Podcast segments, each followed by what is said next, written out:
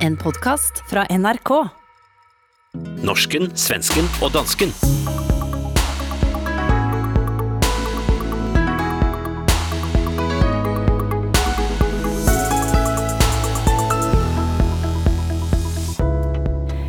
Influensere skaber skandinavisk forargelse. Er vi på vej ind i en kollektiv psykose? Og hvem takler den bedst i så fall? Av norsken, svensken og dansken.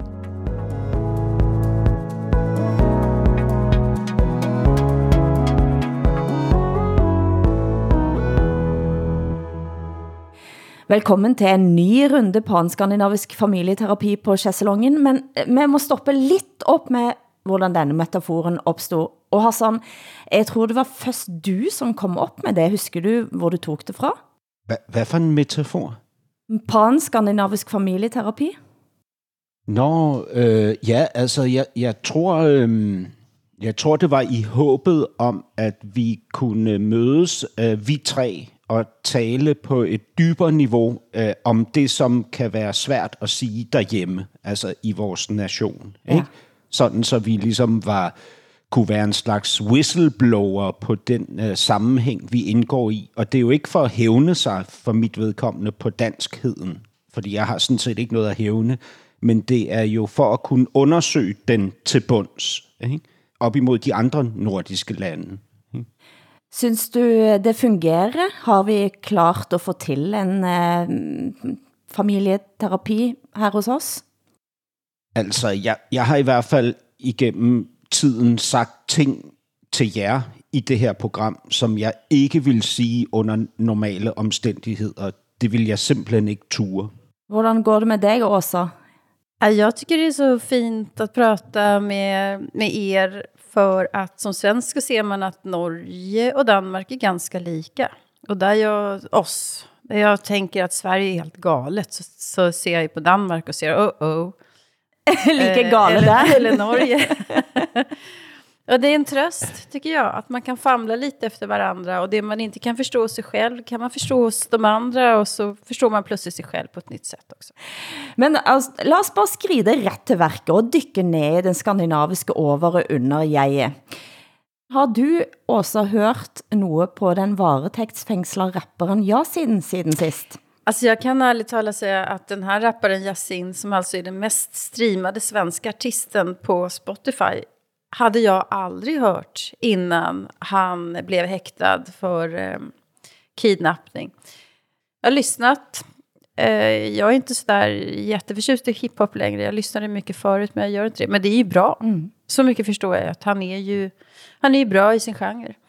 Han smir, mens jernet er varmt, og fra fængsel har han fått sluppet en ny låt. Vi kan høre, hvordan Sveriges Radio omtaler saken. För första gången kommenterar han nu anklagelserna. Jag var oskyldig då och jag är oskyldig nu, skriver han på sin Instagram. Och på EPns omslag syns texten dömd på förhand. Ett exempel från nya EPn är låten Brush It Off. Jag lägger mina känslor på ett papper Jag får skit för det jag skriver Foto och vägrar se det vackra i det hela Jag förtjänar slå igenom Med tanke på allt jag har gått igenom Deras hinder är som vindrut och klart jag ser igenom dem ey. Det är genom polisövervakade telefonsamtal som Yasin har kunnat kommunicera med sitt team kring EPn och Instagram-inlägget. Det berättar Yassins advokat Frida Wallin för Kulturnytt. Men det är, den stora frågan i Sverige här det är att den här Yasin då, han är nominerad till två väldigt fina musikpriser eh, som Sveriges Radio har. Och då är frågan, kan man ge en person som, han är visserligen inte dömd än, men kan man ge en, en trots allt dokumenterat kriminell person ett pris? Och det är den stora frågan och den skär ju in i hela det som har att göra med konstens frihet. Då kan man skilja eh, estetiska kvaliteter från eh, konstnärens eh, privatmoral. Den frågan är ganska intressant, men eh, jag tycker att det är självklart. Jag menar, förtjänar han det där priset konstnärligt så ska han ju ha det. Eh, jag tänker när jag var arbetare som historiker så jobbade jag en del med en, eller använde mig av en fransk teoretiker som heter Louis Althusser. En av världens främsta marxister. Han mördade sin fru med en yxa. Eh, sk- diskvalificerar det hans teorier om hur samhället fungerar? Jag tror inte det riktigt. og dog. Du synes, det gik en grænse der, Hassan? Jamen, altså, jeg, jeg, jamen, det er svært. Altså, jeg, jeg, jeg, jeg synes, det er rigtig svært. Altså, jeg, jeg har... Øhm, altså, efter jeg fandt ud af, hvor racistiske Gandhi havde udtalt sig i sin tid, ikke? Øh, hvor sexistisk han var øh, over for de øh, kvinder, der omgik ham, ikke? Øh, der har jeg haft ekstremt svært ved ligesom at hylde den her lille mand i lændeklæde, øh, for, for de principper, han forsøger at udbrede, som handler om næstekærlighed, tålmodighed og sådan noget. Når man ved, hvor, hvor ikke næstekærlig han var, og hvor utålmodig, altså hissig den her mand var. Ikke? Men, men må jeg sige noget i forhold til ham, Yasin? Øhm, mm. Altså, jeg, jeg har lyttet til det, og jeg synes, det er et super fedt nummer, og der er sådan en... Øh, et, et eller andet med, med sådan en ekstrem sårbarhed, både i teksterne og i stemmen, som er introduceret ind i det her normalt ret hårde rap, øh, mm. øh, eller hiphop, mm. øh, øh, som jeg rigtig godt kan lide. Ikke?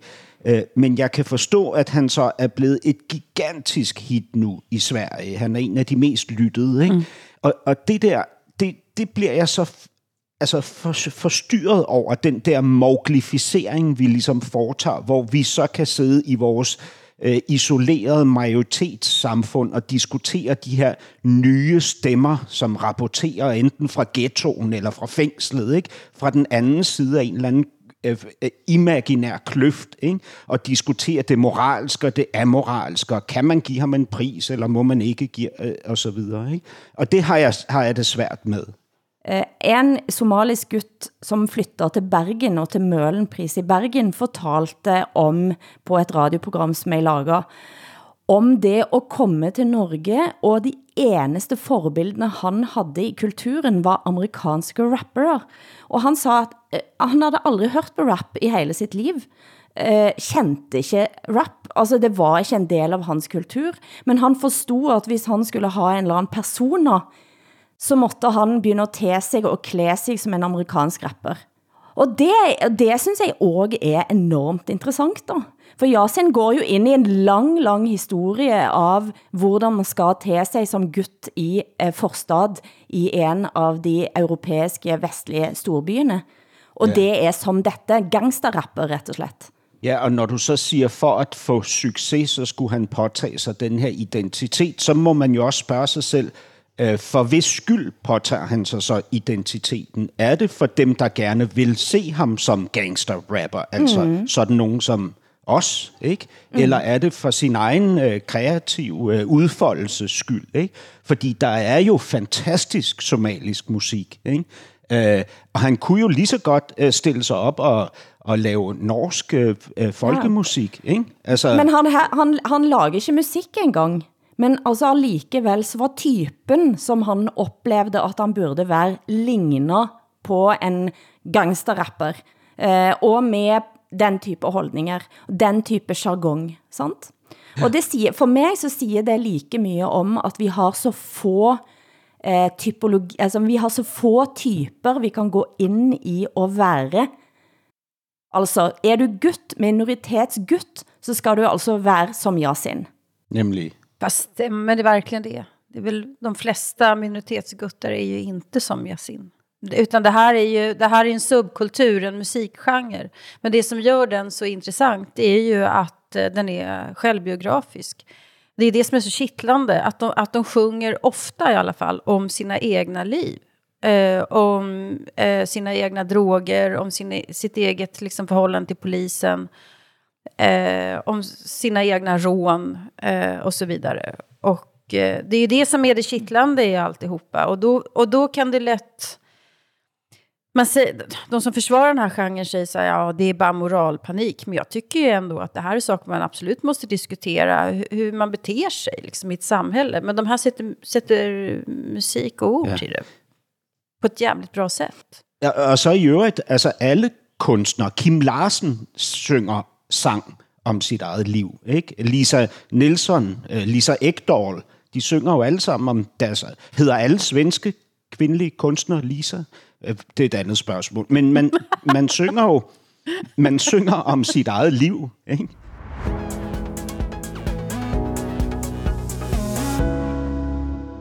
Og når vi er inne på krim og kunst, Laila Bertheusen, kona til tidligere justisminister Tor Mikkel Vara, er i første retsinstans dømt til fængsel i ett år og åtte måneder for at have fungeret trusler mod sig selv og norske demokratiske institutioner, inkludert sin egen ægtemand, efter at en teaterforestilling havde brugt video av huset deres.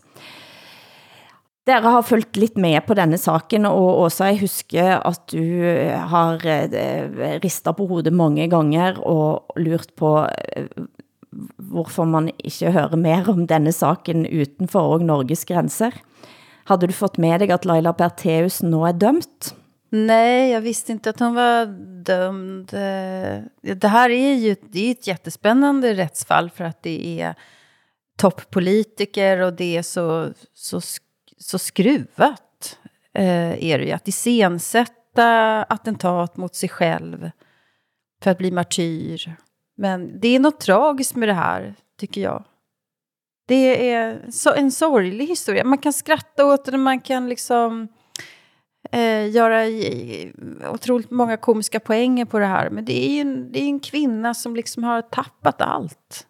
Och jag bryr mig inte om vilket parti hon tillhör faktiskt, utan hon är inte frisk helt enkelt, tänker jag. Även om man ska inte sjukdomsförklara människor så här i radio. Men, men det diskuteras också nu häftigt om hvorvidt statsminister Erna Solberg bör beklage uttalelser som hun kom med i saken i den første fasen. För for i første fase så var teaterstykket Ways of Seeing, som altså har med bilder fra huset der eh, daværende justisminister bodde med sin kone.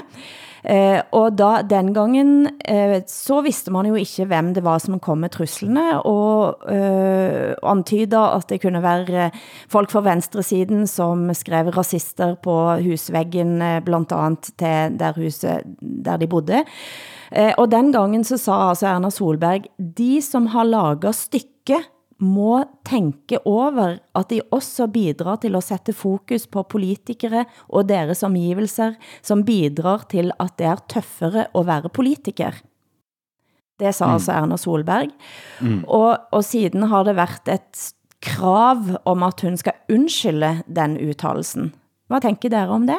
Jamen altså, det, det, det er jo øh, en principiel udtalelse fra Erna Solberg, som er som jo giver god mening. Altså, øh, vi, vi i Danmark har vi jo haft øh, brandattentater mod øh, øh, politikers private boliger, der er blevet malet på deres døre og, og, og husvægge og deres bilers at de har fået skåret dækkene op på deres biler og så videre. Det, der, det synes jeg da, altså, jeg, jeg vil nu, jeg er jo teatermenneske, jeg vil tænke mig godt og grundigt om, før jeg lagde et billede op af en, af en kendt øh, kontroversiel politikers øh, bolig. Altså, øh, så jeg synes, at udtalelsen som noget principielt giver god mening. Øh, og hun kan jo, Erna Solberg kan vel sige så, at øh, set i lyset af de nye erfaringer, så mener jeg, øh, øh, ja, så, så, er det jo, så er det jo en ny konklusion, er det ikke det? Jeg ved det ikke. Jag är väldigt kluven. Eh, jag har ju själv levt med en hotbild och skulle naturligtvis inte vilja att min bostadsadress blev föremål i en teaterpjäs. Å andra sidan så tycker jag att man nog inte ska dra några gränser för vad just kulturen mm. får göra heller. Det är känsligt. Men altså, spørgsmålet er, drar hun egentlig gränser med at udtale sig? For det jeg ikke forstår helt. Nej, kanske inte gör, drar en gräns, men hon, eh, det är i alla fall ett pekfinger som hon, eh, som hon hytter med. Ja, jeg tycker det er svårt. Det er, det er en mycket intressant fråga. Altså, hvis jeg skulle overføre det her til danske forhold, ikke? Uh, Erna Solberg er en konservativ, uh, altså en borgerlig højorienteret statsminister, og, og den her politiker, som har været uh, udsat for, at der blev postet, eller brugt et billede af hendes bolig, er fra et endnu mere højorienteret parti, ikke? Altså, i en dansk sammenhæng, så vil jeg sige, at det giver mening at begynde at rette fokus mod, at vi har en 100% venstreorienteret teaterbranche, som egentlig føler, at den er fri til at gøre, hvad den vil, så længe den angriber de onde, altså dem over på den anden side. Ikke? Men den vil jo aldrig udsætte sig selv, altså sin egen politiske fløj, for de samme, øh, hvad kan man sige, øh, øh, konsekvenser, ikke? eller redskaber i hvert fald. Øh, Øh, og, og det, det øh, hyggeleri, eller den dobbelte standard, den synes jeg er mere interessant at, øh, at kaste lys over. Det är absolut intressant, men det är också en spekulation eh, i och för sig. Men eh, jag, jag tror att det ligger någonting i det du säger. Därför gäller det att försöka hålla två bollar i luften samtidigt. Men det här är svårt. Altså, folkene bak Ways of Seeing siger og mener at vi har en rasistisk, dybt rasistisk eh, regering i Norge. Eh, at stykket satte fingeren på og pekte på den rasistiske regeringen vi har i Norge. Og de siger, de er ikke interessert i Erna Solbergs undskyldning, beklagelse. De vil at Erna Solberg skal gå av. Ja, det är hårt. Det är ju otroligt Men altså, krav. hvis, det, hvis, det, hvis de mener, at de her redskaber, altså de her teknikker er legitime, så må de jo også mene, at de er legitime, når de anvendes i den anden retning. Ikke? Hvis de mener det, så, mener, så synes jeg, at de, at de stiller os et sted, hvor det kun kan gå ned ad bakke. Ikke? Det kan kun blive værre og værre. Fordi hvis vi begynder at, øh, at acceptere, at vi vrider nakken om på vores fællesskabsfølelse, ikke? Øh, eller vrider armen om på vores fællesskabsfølelse, så, så, øh, så synes jeg, der, der er et alvorligt problem. Ikke? kan sige, at sidste nyt er, at den norske Hollywood-regissøren Morten Tyldum planlægger nu et tv-drama om saken.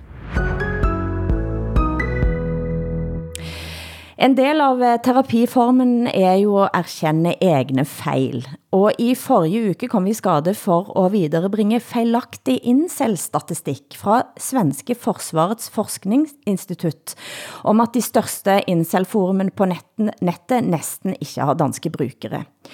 For analysebyrået i København og Tal hørte sendingen, de gik til kilden, altså Svenske Forsvarets Forskningsinstituts rapport. De så denne rapporten i sømmene, og gør man det, så vil de, de mene at den finder at materialet er usikkert, målingen er usikker, og de gjorde en helt egen jobb. De leverte altså i fjor en rapport til det danske ligestillingsministeren, som fandt at 250-2500 nordiske brukere var aktive i kvindefientlige forum.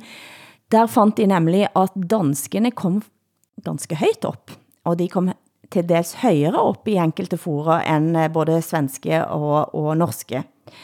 Eh, og det som er det interessante med en sådan gennemgang, er at det viser også hvor let det er at kanskje konkludere det også på fejl grundlag, for vi, vi lagde jo et uh, argument rundt hvorfor svenskene kom højt op, og nordmænd også, og danskene ikke, nemlig at svenskene er mye mere feministisk orienterte. Uh, og jeg har bare lyst til at, at, at komme med en tak til Ågtal Ja, verkligen. for at bidra til at gøre os enda lidt klokere, og jeg vil bare sige mer av slikt. Du hører norsken, svensken og dansken. Programmet blir sendt i Danmarks Radio, Sveriges Radio og Norsk Rikskringkasting. En institution i dansk radio er lukket ned. Efter 17 år er Mats og Monopolet historie. Kan du forklare lidt konceptet, Hassan, Mats og Monopolet? Ja, Mads og Monopolet er det mest lyttede radioprogram i Danmark, øh, og har været det i mange år. Og det er et program, hvor verden, Mads Steffensen, har et panel af kendte øh, danskere, som ikke er bange for at sige deres mening, øh, til at diskutere lytterdilemmaer, som er blevet sendt ind til programmet. Øh, og dilemmaerne kan have mange forskellige karakterer. De kan handle om øh, Øh, havebrug, øh, de kan handle om indretning, det kan også være øh, seksuelle emner, parforholdsemner, øh, for, forskellige dilemmaer, hvor øh, panelet så diskuterer og illustrerer deres øh, syn på sagen. Og så har det lukket ned, og nu heter det ikke Mats Monopolet, men det heter Sara Monopolet. Ja, ja Hvad altså øh, Mads Steffensen har angiveligt valgt at stoppe på Danmarks Radio øh, med meget kort varsel, øh, og har takket ja til et tilbud fra en privat podcastudbyder, Podimo, øh, som har øh, givet ham mulighed for at etablere et tilsvarende program på deres platform. Der er ikke nogen tvivl om, at Podimo øh, Øh, kan og vil betale meget mere end Danmarks Radio øh, kan og vil. Øh, og jeg, øh, mit, mit gæt er, at det har været tillokkende at, øh, for, for verden med Steffensen at bevæge sig over på det private marked. Øh, og de har så tilbudt programmet på Danmarks Radio til Sara Bro, en kvindelig øh, radio- og tv-vært, øh, og hun førte så videre i navnet Sara og Monopolet. Øh, og det er jo, øh, de, og de her paneldeltagere, de øh, deler sig så i to retninger. Der er dem, der går med mass over på Podimo, og så er der dem, der bliver øh, hos Sara på Danmarks Radio.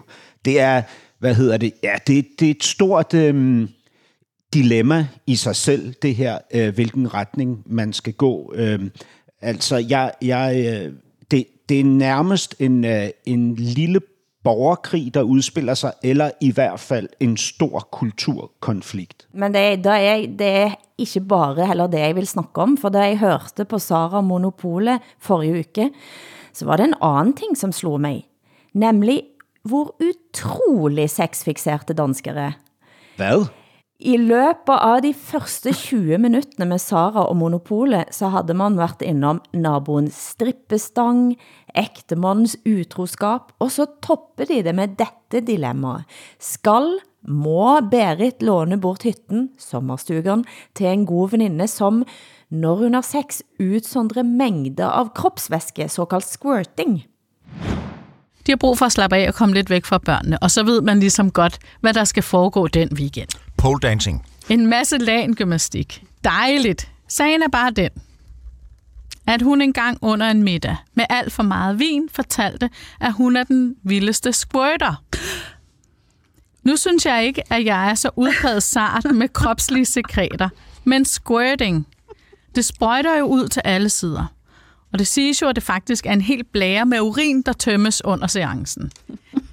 Jeg kan mærke, at det irriterer mig, at jeg for eksempel vil tænke over at betræde mit fine ægte tæppe ved sengen og have tanken, at der måske er landet kropslige væsker på det. Eller at det siver igennem lanet ned på den helt nye madras. Er det mig, der er for sart? Med venlig hilsen, Berit.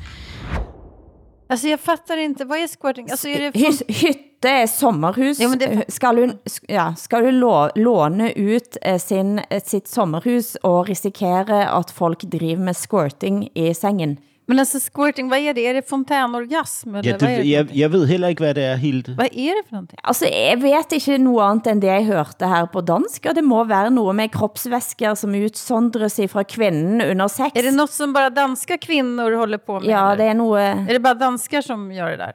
Jamen, siger du, Hilde, at squirting er noget dansk? Det är, det vad, det är vad jag tror. Aldrig hört något liknande faktiskt. Og det jeg da selvfølgelig lurer på, Åsa, kunne dette vært primetime helgeradio i Sverige, og altså det mest lyttede programmet i Sverige? Jag tror, inte vi kan, jag tror inte vi kan sända det här i svensk radio heller, som vi pratar om nu. Det. Nej, for jeg- altså, jeg må, altså bare for man måste eh, jamføre, som det heter i Sverige. I Norge har vi et helt tilsvarende radiokoncept. Det heter altså lørdagsrådet på P3. Og her kan vi læse op nogle af de problemstillingene derfra. Der lyder dilemmaerne om eks-kærestens spilleliste skaber jalousi, hvordan takle kæft på jobben, og naboen lader elbilen på min regning. Altså en noe anden tone, kan du sige. Og hvordan høres det ud for en monopolelytter, Hassan? Øh, jeg, jeg, havde meget svært ved at koncentrere mig lige nu, mens du opsummerede de her emner. Øh, jeg, jeg synes, det, det lød kedeligt. Tråkigt. Altså, hvad hedder det?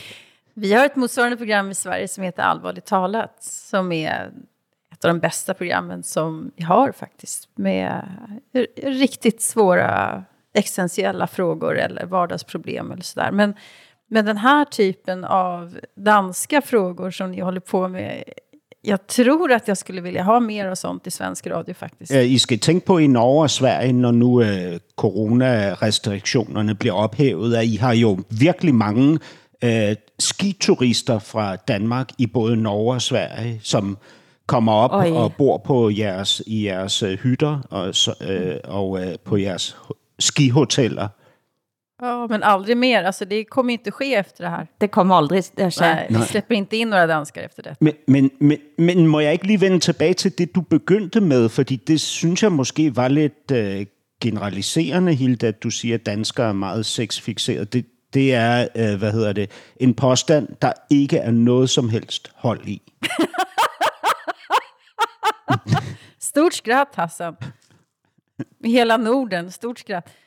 Nej, for, fordi, for jeg har jo lurt på, hvad det er som, hvad, hvad, hvad er det som gør, at eh, danskene alltid havner i det, som vi i Norge kalder for sådan hø-hø-humor. Eh, og jeg, da jeg lufter problemstilling for dig, eh, Hassan, før optag, så sa du, at du rett og slett ikke forstod. Jeg aner ikke, hvad du taler om. Åsa, du forstod det med en gang. Absolut, själv är jag en väldigt fin flicka med, med rena öron och tvättad mun. Jag skulle aldrig säga någonting fult. Eller grovt, eller sexistiskt, eller så, för sådan er inte jag. Nej, for jeg måtte nemlig ringe en anden danske, som har bodd længe i Norge, Søren Birkvad. Birkvad er professor i filmvidenskab ved Høgskolen i Indlandet og selv dansk. Han har skrevet boken Da dyden gik amok om seksualitet, køn og kærlighed i dansk film fra 1910 til 1980. Og jeg spurgte, hvor kommer denne hø-hø-kulturen fra? Det, som i Dan- man i Danmark kalder besufle, altså det, som er sådan våget eller saftigt, det, som er nortig, det har ligesom sin egen kulturhistorie i Danmark. Fordi du ved, i de fleste kulturer er der jo en tradition for, at, at, at seksualiteten er som en slags nødvendigt onde, som vi prøver at holde på afstand. Men, men, men sådan er det ikke helt i Danmark. Og, og det har at gøre med en urfortælling i, i nyere dansk kulturhistorie, nemlig den, at vi i 1969 ligesom blev verdensberømte som landet, der som de første slap pornografien løs. Og, og, og hvor det der med at, at, at, at, at hævde pornoen som sådan et spørgsmål om ytringsfrihed med store bogstaver, mm. altså hvor, hvor det der idealistiske og fine, der i, i grunden var ved det i starten, hvor det jo hurtigt ligesom svandt lidt ind af gode grunde, så blev der dette element af, af, af, af sådan hihi og hø-hø. Det, det blev tilbage hos mange danskere, ikke? Og hvor mange danskere ligesom kunne opfatte nordmænd og svenskere som moralsk sådan lidt selvhøjtidelige, så handlede det om for en der pris i dag ikke at tage sex alt for højtideligt. Mm. Ikke, det skal være gøy, som man siger på norsk, eller skøj, som man siger på, på svensk. Ikke, det skal være en, en leg. Men det tycker jag, det är en skön förklaring. Den gillar jag. Jag tycker inte heller att man ska vara så högtidlig eller konservativ eller moralistisk kring, kring sånt där. Eh, men jag kommer ihåg själv alltså mina första resor ner till Köpenhamn. Jag var tonåring. Det var ju otroligt med alla porrbutiker som fanns där på Ströget. Och Då kom man ändå representera den svenska synden liksom. Och så kom man till Köpenhamn. Det är ju helt otroligt faktiskt. Er du, er du fornøjd med forklaringen, Hassan? Øh, ja, altså det er jo interessant. Øh, jeg, jeg synes, forklaringen er rigtig god. Øh, og så er det jo interessant at høre øh, sig selv beskrevet øh, af, et blik udefra. Jeg er godt klar over, at øh, professoren er dansk, men han har boet i Norge i mange år, så han har jo ligesom også mm. trukket sig øh, lidt fri og kan se på os udefra. Altså, jeg troede jo, at den her hø-hø-humor var den eneste humor, som findes. Altså, altså for, for, for mig er det her jo det neutrale udgangspunkt. Altså, og som alt andet må tage afsæt fra, ikke? Vi skal holde os til public service kringkasterne våre. I Sverige denne uken har debatten rast efter at Sveriges Demokraternes chefsideolog Mattias Karlsson blev inviteret eh, til hyggekosinterview på SVT i programmet Min Sanning. Og også, hvorfor er dette kontroversielt? Alltså det kontroversiella är eh, dels att Mattias Karlsson får vara med i ett sånt här trivselprogram. Eh, det är alltså en hel timma som bara ägnas åt honom och eh, eller andra kända personer eller sådär. Det är ganska fint att få inbjuden där. Eh, och det, och det, ena, det är det ena, ska han överhuvudtaget få, få vara med i ett sånt eh, sammanhang? Och det andra är, eh, han fick inte tillräckligt kritiska frågor då, är, lyder kritiken. Och slutsatsen av detta är att eh, public service normaliserar Sverigedemokraterna. Det är, det är så debatten går. Vi kan høre et lite klipp fra starten av programmet, der han får spørgsmål om va- matvaner og at ställe i hagen. Trädgården. Och sen när du kommer hem så är det inte så lugnt för då är du ensamstående med två pojkar. Du har djur, du har en trädgård, du har ett hus. Det ska mycket, mycket som ska fixas. Mm, så är det. Ja. Och det, all- alla grannarna är så duktiga på att ta hand om sina trädgårdar och tomter och så, så man skäms ju lite alltid för att man är, det är alltid min tomt som är sämst skött och har mest ogräs. Och, Du brukar ju sucka över att du eh, inte äter så nyttigt. Hur blir det med maten när du flänger runt sådär? nej, men det blir ju lätt att man liksom tar någon korv eller McDonalds eller man eh, nappar åt sig någon Snickers eh, liksom i farten. Och sådär, när man ska från ena stället till det andra och man ser inte tåget. Så det är liksom, Kämpar du med, med att liksom sköta om din kropp? Ja, det gör jag konstant. Så att jag, antingen så planerar jag att banta eller så har jag precis misslyckats med att banta. Eller så, ja, ungefär så är det konstant. Altså ikke så veldig hardslående start på dette intervju med Mathias Karlsson, chefsideolog i Sverigedemokraterna her om eh, sitt eh, hagearbeid, tregårdsarbeid og forsøg på å banta, slanke sig som det heter på norsk. Är det det folk har reagerat på också? Nej, det är det väl inte. Utan det är att han inte har fått några kritiska frågor när han säger att han vill eh, göra om public service eller när han, när han pratar om kulturkriget. Eller, det var det några dagar sedan jag såg det här programmet så jag minns inte riktigt vad han sa. Men att, att han kunde ha fått hårdare frågor kring det där och mer kritiska frågor kring hans syn på eh, om eh, alla unga män som kommer hit till Sverige, om de är våldtäktsmän, potentiella förövare och sådär. Jag såg i programmet, jag tyckte nog att programledaren Ann Hedemo ställde en del kritiska frågor, men själva konceptet är svårt. Jag har själv varit gäst i det där programmet och man ställer ju inte upp ifall det är så att man ska bli grillad, utan man ställer ju upp därför att man ska liksom få presentera sig själv och man ska vara ganska avslappnad i den där situationen.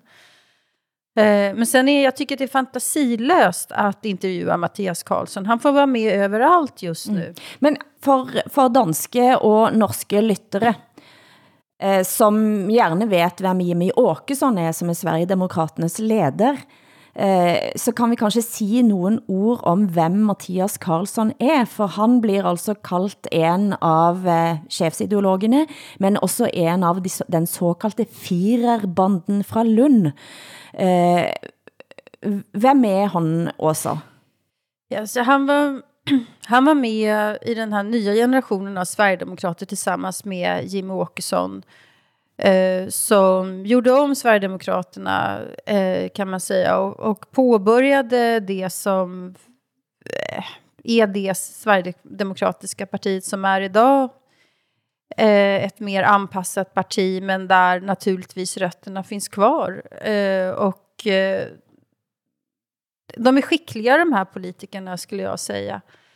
Eh, Och han leder nu då Sverigedemokraternas eh, tankesmedja och eh, han är den som får fronta Sverigedemokraterna väldigt mycket just nu därför att han är ett tacksamt intervjuobjekt på det viset att han är han är intressant för att han visar att han är en människa. Han är utbränd och han är, han är skilsmässopappa och han väger för mycket. Han är väldigt gemytlig. Och, och det där är ju provokativt för de som hatar Sverigedemokraterna. Och, eh, och då är ju frågan, liksom, ska han få vara med i sådana här sammanhang överhuvudtaget? Det är det som är, det är, det som är frågan då. Och hur kritiska frågor ska man ställa till honom och, och sådär. Eh, och varför kan man inte komma åt hans inre kärna? För då menar man att det finns en inre kärna där som inga journalister liksom lyckas ha eh, grabba tag. Det är som den här badtvålen som man tappar i badet varje gång när man ska intervjua honom.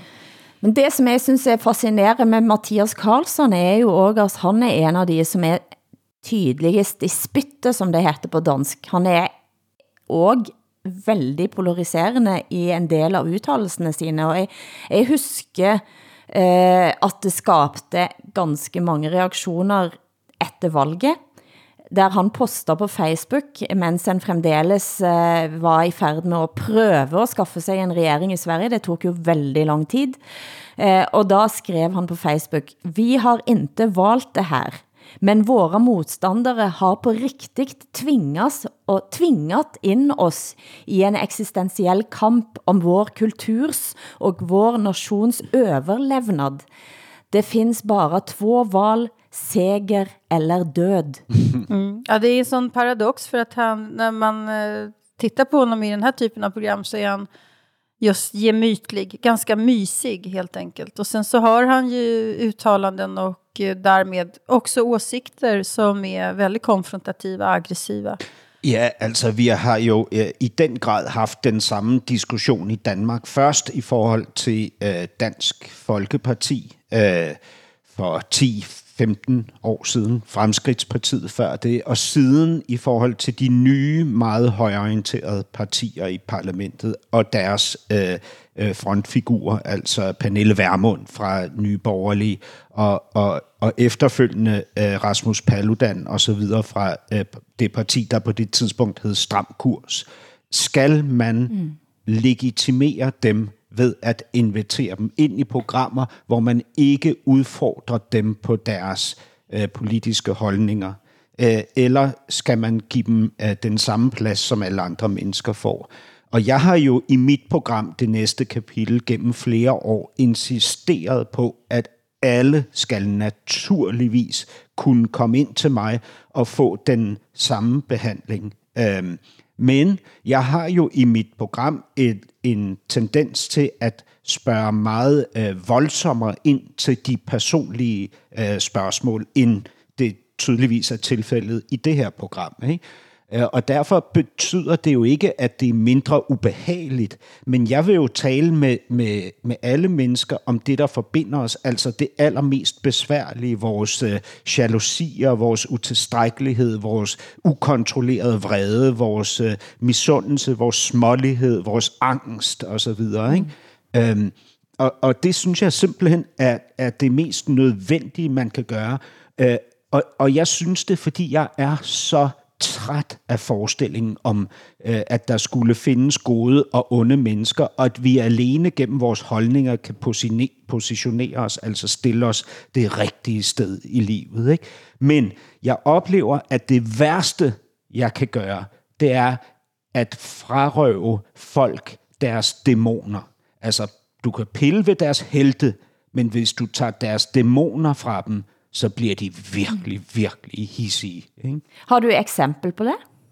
Nå, men jeg havde jo øh, Rasmus Paludan som gæst i mit program, ikke? Det, hvor vi talte om, om øh, seksualitet, om angst, om, om at føle sig udenfor, om at blive mobbet, øh, og hvilke øh, påvirkninger det har på en at have været udsat for sådan nogle ting. Ikke? Øh, og, og det var øh, helt klart... Øh, øh, kommentarerne efterfølgende, det var, hvordan kan I tage denne her mand ind, uden at udfordre ham på hans holdninger? Ikke?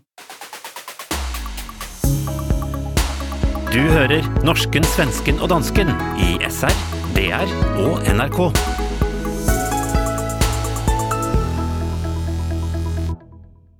Men lad os snakke lidt mere om politisk kommunikation i en moderne medieverden.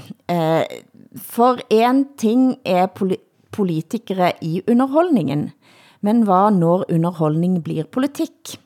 Det vakte opsigt, da statsminister Stefan Löfven pludselig dukker op på den svenske influenceren Therese Lindgren sin Insta-profil. Mellem sminketips og velvære kom dette. Hej Stefan! Hej på dig! Hör Hej. du mig bra? Jag hör dig jättebra, hör du mig? Jättebra. Tack Ja. så mycket för att du tar dig tid. Jo, jag satt precis här och berättade för de som är inne och tittar att jag är initiativtagare till det här samtalet. Efter att jag, precis som alla andra, sett presskonferens och sett i media att spritsmidningen nu i den här andra vågen som vi befinner oss i utav pandemin ser lite annorlunda ut än i våras. Att det är, den är större bland yngre den här gången. Stämmer det?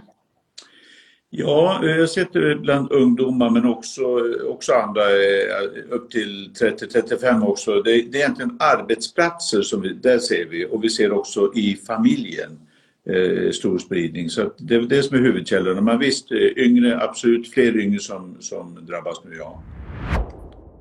Da han begyndte som politiker, så måtte en eh, politiker være god på eh, at sitte på debattprogrammer på TV, men nu må han altså sitte på Insta-profilen til en influencer for at få ut budskapet. Hvad tænker dere? Ja, jag tycker det är bra att han gör det där. Det är väldigt många unga människor lyssnar inte på radio och tv, så jag tycker att det är bra. Jag tror det kommer 1700 kommentarer. Men han sitter och pratar han sitter och pratar som om han var en läkare eller epidemiolog eller någonting sånt där. Det är väl det som är... Alltså att han, han får agera expert på frågor han egentligen inte behärskar, utan vad han ska göra är att lösa det politiskt. Men det er vel kanskje bedre at influencere snakker med politikere, end at de rejser til Dubai og fester Hassan, sådan som de har gjort i Danmark? Ja, det er i hvert fald noget, der har gjort rigtig mange mennesker meget, meget sure. Øh, altså, det er jo kommet frem, at den første person, øh, som er registreret med den sydafrikanske øh, variant af corona, øh, kom til Danmark fra Dubai. Øh, samtidig så er det sådan, at øh, en stor gruppe af sportsstjerner, influencer og andre kendte, øh, prominente danskere øh, opholder sig øh, for tiden, eller har opholdt sig i Dubai, hvor de altså har levet det bekymringsfrie liv øh, med alkohol og middagsselskaber, og, øh, og så har de postet masser af selfies på de sociale medier, og det har altså ført til, at der har været øh, et, et ret intenst øh, raseri, altså en fordømning og udskamning af den her opførsel. Selv fra vores øh, statsminister Mette Frederiksen, som siger, at hun skal lægge låg på sig selv, inden hun udtaler sig om denne her sag. Og det betyder jo øh, i hendes sprog, at hun er, hun er gal over, at det er foregået. Mm. Ja. ja. Hassan, du har altså en teori om at uh, vi i Norge og Sverige takler isolation bedre end dansker, og hvorfor det? Jamen, det er, det er garanteret en fordom, øh, men, men altså, øh, fordommen læner sig jo ofte op af virkeligheden. Altså, da jeg var barn, der havde vi jo sådan et, et tydeligt billede af nordmænd og svensker, som nogen, der levede langt ude i skoven, og, øh, og som øh, fremstillede hjemmebrændt. Øh, og, og, og at der kunne gå øh, øh, flere uger, måske endda måneder eller år, før man støtte på et andet menneske. Øh, mm, så var der selvfølgelig dyrene og skoven og sådan noget, men, øh, som man øh, er forbundet til, men man har ikke det samme behov som nordmand og svensker for at være i kontakt med andre mennesker, som vi har i Danmark. Øh, hvor vi jo ikke, øh, altså du kan jo ikke gå noget sted hen i Danmark, uden at øh, støde på et andet menneske. Det findes ikke. Hvad tror du også? Klarer vi os bedre? Fordi vi er vant til at være eh, alene. Nu bor du midt i Stockholm, men nu driver du og rejser til Jämtland.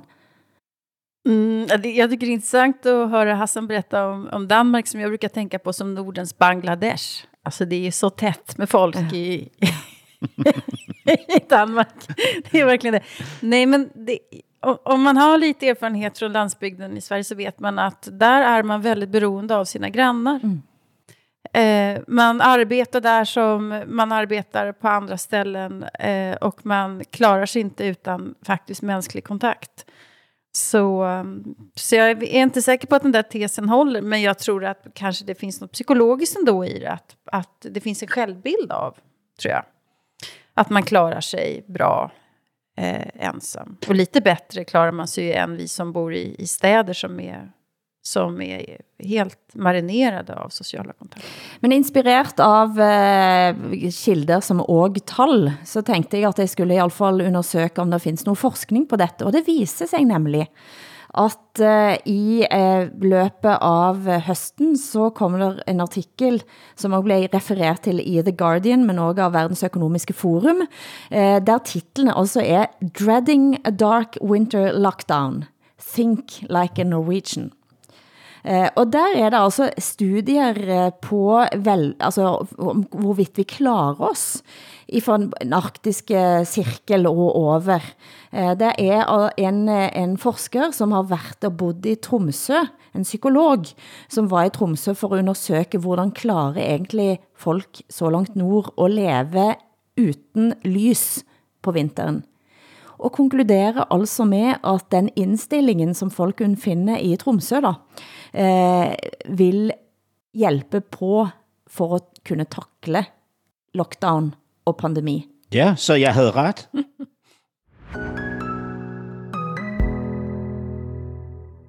Men dere har fået en ny app, Hassan, fortæl. Uh, ja, i, uh, i, i Danmark er der kommet en uh, app, som du nævner, Hilde. Uh, det er en, uh, en privat produceret app, uh, som uh, hedder uh, I Consent, altså øh, jeg samtykker, og det er en samtykke-app, som du kan downloade, installere på din smartphone, og således kan du så umiddelbart, inden du skal have øh, sex, øh, give dit samtykke til sex. Det her samtykke gælder til et samleje i 24 timer. Altså ikke et samleje, der varer i 24 timer, men et samleje inden for 24 timer. Men alltså jag fattar inte riktigt, kryssa mani vad det är man kan tänka sig att göra. Alltså någon tar, jag går med på att du tar mig på brösten, jag går med på klitoris, jag går med på squirt, squirting. Ja. Squirting. Squirting. Jag går med på, är det så att man kryssar i en meny? Nej, nej. Eller eh, är det bara att jag går med på att ligga med dig? Kan man inte bara säga det rätt upp och ner? Måste man ha en app? Ja, men altså... Det, Har man mobilen med sig in i sängen alltså? ja, men, men har vi ikke alle sammen i forvejen mobilen med i sengen? Uh,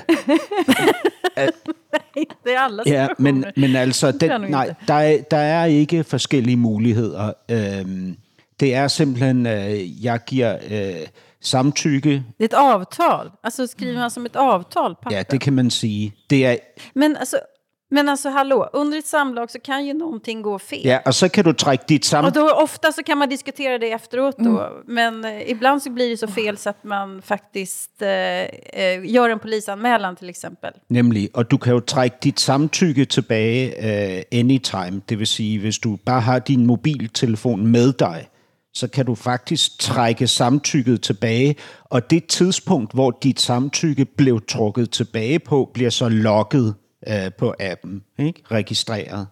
Øh, øh, altså, øh, jamen altså, det, det er jo selvfølgelig noget, der har skabt debat. Øh, de øh, organisationer, der arbejder med sexisme og krænkelser, overgreb og voldtægt, de er meget, meget kritiske over for den her app. Så absolut. Øh, og jeg har bemærket, at selv øh, typer, som vi vil beskrive som sådan playboys, eller sådan øh, øh, hvad kan man sige, ekstremt aktive øh, mennesker på det seksuelle område, mener, at øh, den er meget problematisk, den her øh, samtykke-app. Altså, øh, Men att man gör det så instrumentellt funderar jag på. Så absolut och så skriva kontrakt. Jag tycker det är avtändande på... Och juri, juridiskt sett jätteproblematiskt om det nu skulle bli en juridisk fråga. Det är meget överraskande för mig, det här, Åsa, för jag, jag var fullständigt överbevisad om, att, att du som svensk ville synes, att den här app var fullständigt fantastisk. Men Hassan, du vet att jag är mer dansk än svensk i sådana här frågor. Ja, det er jo sådan en slags... Det är øh, vi som har hittat på appen. Det er jo sådan en slags, øh, hvad kan man sige, seksualitetens øh, systembolag. Ja, Ja, kan man säga. vinmonopol, som det heter i Norge. Ja. Mats og Vinmonopolet kunne vi haft et eget program om. Men altså, jeg sitter og tænker på den situationen. Du er altså, du har tænkt, at dette er et bra menneske, du har lyst, og så pludselig så finder du ut, at dette har du ikke lyst til likevel, og så skal du finde mobilen, Og det jeg lurer på da i næste omgang er, hvis det da kommer i retssaken, altså vil, vil en kunne få et sådan spørgsmål, hvad gjorde du på appen din? Altså, jeg, hvad kan dette brukes til? Jeg forstår, ikke, jeg forstår virkelig ikke, hvad det kan brukes til. Jamen, det, altså jurister siger, at den kan ikke fungere som et juridisk redskab. Men det er da klart, altså hvis man ligesom har givet samtykke og trukket det tilbage igen, om, og der siden kommer en anklage om øh, en voldtægt eller et overgreb, så vil det vel blive en del af den samlede fortælling, vil jeg tro. Jeg ved det ikke. Men jeg synes også, det er noget råd. Altså, jeg kan godt mærke, når jeg taler om det, at det er da for kaotisk. Altså, det giver jo, øh, det giver jo ingen mening, at... Øh, altså, i forvejen er det jo svært med samtykke, ikke? At formalisere noget, der er så, er så øh, diffust, ikke? Som handler om små signaler og, hvad hedder det, ja, sådan, sådan delikate ting, ikke? Det ledsamma med den här appen det är att den är så tidstypisk. Eh, och det, det sägs i våran tid att, att sex, sex är någonting farligt. Mm. Någonting i grunden som man ska vara rädd för, man ska vara otrygg inför det. Det kan hända vad som helst. Och de flesta samlag är ju faktiskt inte, går ju faktiskt inte fel, är inte våldsamma. De flesta kontakter med människor är, är bara njutbara. Eller bara, där kunde jag ha och mista men inte behövde jag ringa till polisen. Och det är en sån tråkig inställning tycker jag. Och det är den unga generationen eh, som går med den föreställningen att sex är någonting i grunden farligt. Eller obehagligt. Ja, måske, det- måske er det den unge generation, men den her app er jo ikke produceret af den unge generation. Den er produceret af forældregenerationen, ikke? Jo, jo, men för en ung generation. Ja, men jeg tror, at den her app bliver et uh, kæmpestort flop, og godt for det. Altså, ja, det får jag hoppas. Verkligen. Nej, for det eneste jeg tænkte på, eh, da jeg hørte om denne appen, var at danskene som de gode businessmænd og kvinder de er, har tænkt at her er det penger at tjene. Men ja. eh, Hassan, der er et jubilæum i Danmark denne uken også. Det er fuldstændig rigtigt. Uh, I Danmark, der er uh, pølsevognen uh, nået dertil, hvor den kan Korv, korvgubbevagnen. Korvgubvagnen, ja, er nået dertil, hvor den kan fejre sit 100 års jubilæum. Det vil sige, for 100 år siden, lige i dette øjeblik, trillede den første pølsevogn, Korvgubvagn, ud på gader, gaderne øh, og solgte øh, pølsevogn. Og det er jo, øh, hvad hedder det, en stor begivenhed, fordi øh, pølser øh, i Danmark er jo øh, ja, altså et nationalklenodie på, mm. på, eller i hvert fald pølsevognen er et nationalklenodie på niveau med de andre øh, store danske nationalklenodier, altså øh, Jellingestenene og, og, og Solvognen og, og Guldhornen og, og så videre. Alltså jättestort grattis till eran Ja, korvvagn tusen 100 tack. år. Men jag undrar Hassan, jag tror inte att Hilde riktigt vet vad vi pratar om. För att i Norge finns ju inte korv eller puls. det jag gör ju att jag det. har sett korv Har eller I puls i Norge. Eller har I hur Hassan? pølser i, Nej, i Norge? jag har aldrig sett. De har pinnekutt och Nej. lut, lutfisk har nu. och sådär. Og my, myseost og sådan. Men pulsa och korv, det vet de inte vad det är. Vi lever i grillpølselandet. Grill. Du kan stoppe på en hvilken som helst b- bensinstation og købe dig grillpølse. Nej, jag tror du hittar på nu, Hilde. Nej, jag tror du hittar på. Ni har inte, inte har de korv och pulsa i Norge, Hassan. Nej. Men hvor er det sødt, uh, Hilde, at I gerne vil være med, altså at du føler, at du skal lade, som om I har pølser i Norge. Det er, Ja. lidt, det er lidt ligesom, når du siger, at der findes norsk design. Jeg eh, biter det i mig.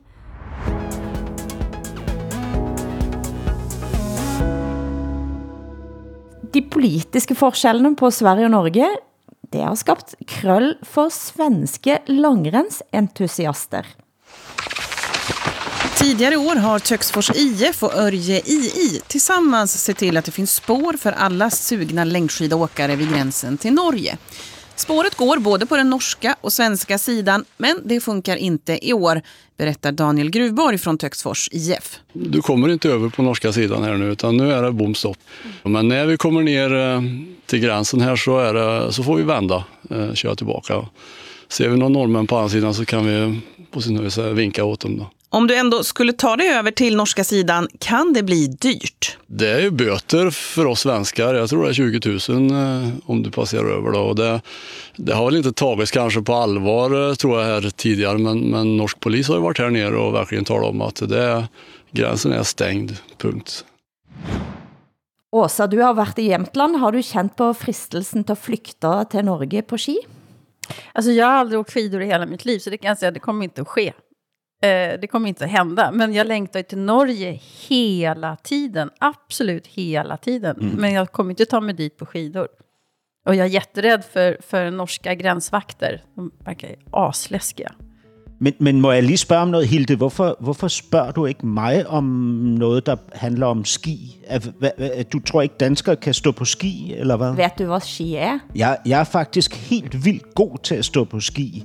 Øh, men, men når jeg står på ski i Norge eller Sverige, så hører jeg tit øh, norske eller svenske, som står på løjpen og siger, pas på, pas på, der kommer en dansker. Det er for at bli sidste ord i årets uh, tredje, fjerde sending. Producent har været Henrik Gylland Ulving, tekniker Espen Moril. Tak til Hassan Preisler i København, Åsa Linderborg i Stockholm. Mitt navn er Hilde Sandvik, sitter i Bergen, og vi høres igen om en uke.